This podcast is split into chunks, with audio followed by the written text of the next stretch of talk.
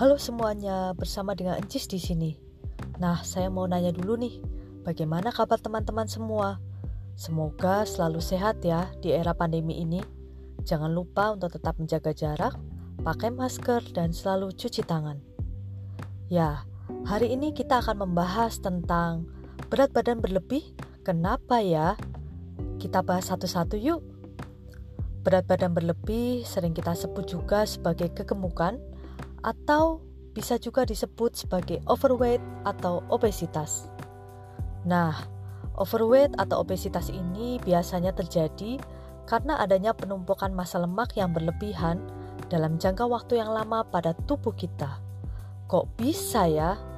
Hmm, teman-teman tahu kan bahwa kita manusia membutuhkan energi untuk dapat beraktivitas setiap harinya dan menjalankan metabolisme tubuh. Jika iya, maka energinya kita dapatkan dari mana? Ya, tentunya dari makanan dan minuman. Jadi, semua sumber energi yang masuk ke dalam tubuh kita, mau itu karbohidrat, protein, dan lemak tentunya, akan mengalami proses di dalam saluran cerna, kemudian dipecah-pecah dan diubah menjadi energi.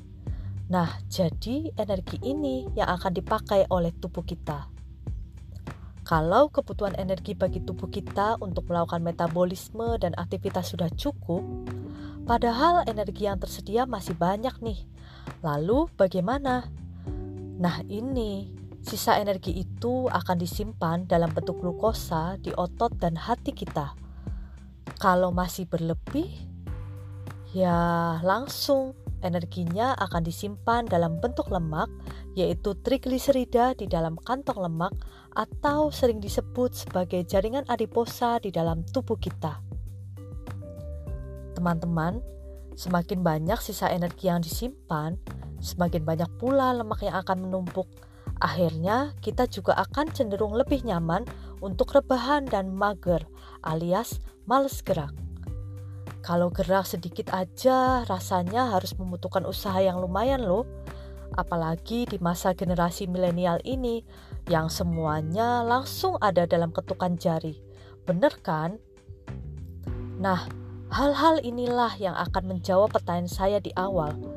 Berat badan berlebih, kenapa ya?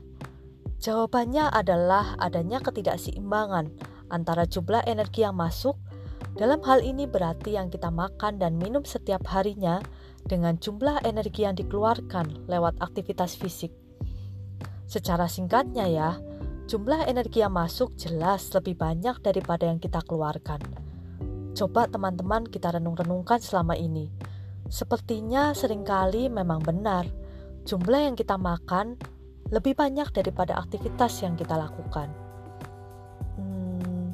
Lalu bagaimana ya cara kita mengetahui status gizi kita selama ini?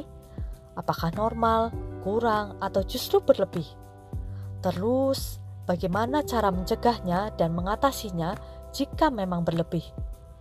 Yuk, temukan jawabannya di episode podcast saya selanjutnya. So, eat right, keep active, and stay healthy. Sampai jumpa.